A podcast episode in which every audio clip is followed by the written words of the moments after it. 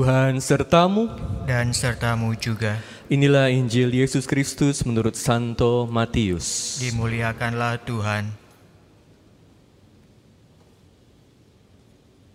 Sekali peristiwa, Yesus bersabda kepada kedua belas muridnya, Siapa saja yang mengasihi bapa atau ibunya lebih daripada mengasihi aku, ia tidak layak bagiku. Dan siapa saja yang mengasihi putra atau putrinya lebih daripada mengasihi aku, ia tidak layak bagiku. Siapa saja yang tidak memikul salibnya dan mengikuti aku, ia tidak layak bagiku. Siapa saja yang mempertahankan nyawanya, ia akan kehilangan nyawanya. Dan siapa saja yang kehilangan nyawanya karena aku, ia akan memperolehnya. Siapa saja yang menyambut kamu, ia menyambut aku. Dan siapa saja yang menyambut aku, ia menyambut dia yang mengutus aku. Siapa saja yang menyambut seorang nabi sebagai nabi, ia akan menerima upah nabi. Dan siapa saja yang menyambut seorang benar sebagai orang benar, ia akan menerima upah orang benar. Siapa saja yang memberi air sejuk, secangkir saja kepada salah seorang yang kecil ini, karena ia muridku. Sesungguhnya aku berkata kepadamu, ia tidak akan kehilangan upahnya. Demikianlah Injil Tuhan. Terpujilah Kristus. Saudara-saudari yang terkasih dalam Kristus, dalam Injil hari ini, Yesus memberikan ajaran yang tidak mudah untuk diikuti kepada murid-muridnya. Yesus katakan, siapa saja yang mengasihi bapa atau ibunya lebih daripada mengasihi aku, ia tidak layak bagiku. Saya mau mengajak Anda untuk merefleksikan ajaran dari Yesus ini dengan lebih mendalam. Pertama, apa sebetulnya ajaran ini? Yang kedua, mengapa? Dan yang ketiga, bagaimana kita bisa lakukan ini? Kalau Yesus meminta kepada murid-muridnya untuk mengasihi dia lebih daripada mereka mengasihi orang tua mereka, tentu kita sadar, kita ingat bahwa untuk orang-orang Yahudi, perintah untuk mengasihi Allah itu adalah yang tertinggi. Dan kita tahu bahwa Yesus adalah Allah. Buat kita, kita tahu bahwa Yesus adalah Allah. Makanya kita perlu mengasihi Yesus lebih daripada kita mengasihi orang tua kita. Tetapi perintah ini menjadi sangat konkret karena kita bisa melihat bagaimana dalamnya, kuatnya hubungan antara kita dan orang tua, orang tua dan anak. Dalam berbagai kebudayaan, hubungan antara orang tua dan anak, anak dan orang tua, anak yang berbakti kepada orang tua, ini adalah hubungan yang sangat menyentuh, mendalam. Makanya kalau saya di acara pernikahan ada bagian anak itu minta restu dari orang tua, sering kali saya melihat bagaimana orang tua ini nangis, anaknya juga nangis ya, kadang-kadang bisa lama sekali acara sungkemnya. Saya bisa merasakan bagaimana ada kasih yang sangat mendalam antara orang tua dan anak. Kalau saya dengar satu anak satu anak yang nyanyi buat mamanya, terutama kalau ada acara uh, hari orang tua di mana anak nyanyikan buat mamanya kasih ibu kepada beta. Nah, anda tahu terusannya ya. Ini buat kita jadi tersentuh karena kita melihat ini adalah hubungan sungguh yang sangat mendalam antara anak dan orang tua. Jadi, hari ini kita diingatkan bahwa ketika kita mengikuti Yesus, kita ini bukan sekedar ikutin berbagai aturan, berbagai ajaran, berbagai hal yang sifatnya pemikiran-pemikiran belaka. Tentu ajaran-ajaran ini sangat penting, tetapi mengikuti Yesus pertama-tama kita mengikuti seorang pribadi yang sungguh-sungguh hadir di tengah kita, yang mengasihi kita, dan yang sudah katakan kepada kita untuk mengasihi Yesus lebih daripada segala sesuatu. Jadi, ini adalah hubungan kasih. Dan hubungan kasih ini harus lebih dalam daripada hubungan kasih kita dengan orang tua kita. Atau kasih antara orang tua dan anak. Kenapa demikian? Tentu karena Yesus adalah Allah sendiri. Kalau Yesus meminta kita untuk mengasihi Dia lebih daripada kita mengasihi orang tua, itu bukan karena Yesus ini narsis. Mau jadi pusat perhatian, pusat kasih. Yesus katakan dengan sangat jelas dalam Injil hari ini. Siapa saja yang mempertahankan nyawanya, ia akan kehilangan nyawanya. Dan siapa saja yang kehilangan nyawanya karena aku, ia akan memperolehnya. Jadi, kalau kita bertanya, kenapa kita harus mengasihi Yesus? Itu karena dengan mengasihi Yesus, kita memperoleh hidup. Yesus mau supaya kita hidup. Jadi, semakin kita masuk dalam hubungan kasih yang mendalam dengan Yesus, semakin juga kita mampu mengasihi. Dan dengan semakin mampu mengasihi, hidup juga akan menjadi satu perayaan yang mendalam. Life becomes a celebration with love. Kalau saya menjalankan tugas sebagai seorang romo, salah satu hal yang sering kali menyentuh adalah saat uh, memimpin upacara tutup peti atau misa arwah. Kenapa? Karena dalam upacara tutup peti ini atau misa arwah, saya menyaksikan bagaimana keluarga itu sangat kehilangan atas kepergian orang-orang yang mereka kasihi, yang mengasihi mereka, yang memberi hidup secara sungguh, secara penuh buat mereka. Jadi di sini saya melihat kepergian orang-orang yang mereka kasihi ini menjadi satu hal yang sangat penting buat mereka. Tapi itu juga kita lihat bagaimana orang-orang yang pergi ini sudah menjalani hidup hidup yang berarti. Bukan hanya sekedar hidup. Bukan sekedar punya waktu di dunia ini saja. Tetapi waktu yang diberikan oleh Tuhan di dunia ini digunakan sebaik mungkin untuk menjalani hidup yang berarti. Dan hidup menjadi semakin berarti saat kita memberikan waktu kita ini untuk hal yang paling penting, mengasihi. Mengasihi sesama, mengasihi orang-orang yang penting buat kita.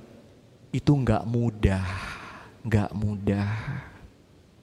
Tapi semakin kita hidup di dalam kasih Tuhan, dan itu kan perintahnya, kita semakin juga dimampukan. Kenapa? Nggak mudah. Sekali lagi dalam bacaan Injil ini juga dikatakan, kalau mau ikut Yesus perlu pikul salib. Ikut Yesus. Kasih jadi tidak mudah. Karena sering kali kita nggak mau pikul salib. Kita nggak mau berkorban.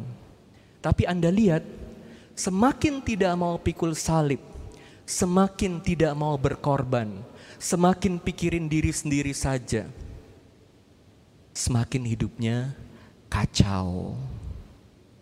Ada banyak keluarga jadi retak karena ada banyak orang tidak mau pikul salib. Oleh karena itu, supaya kita mampu pikul salib, mampu berkorban, kita harus hidup dengan sang sumber kasih, Yesus sendiri. Lalu bagaimana caranya Romo?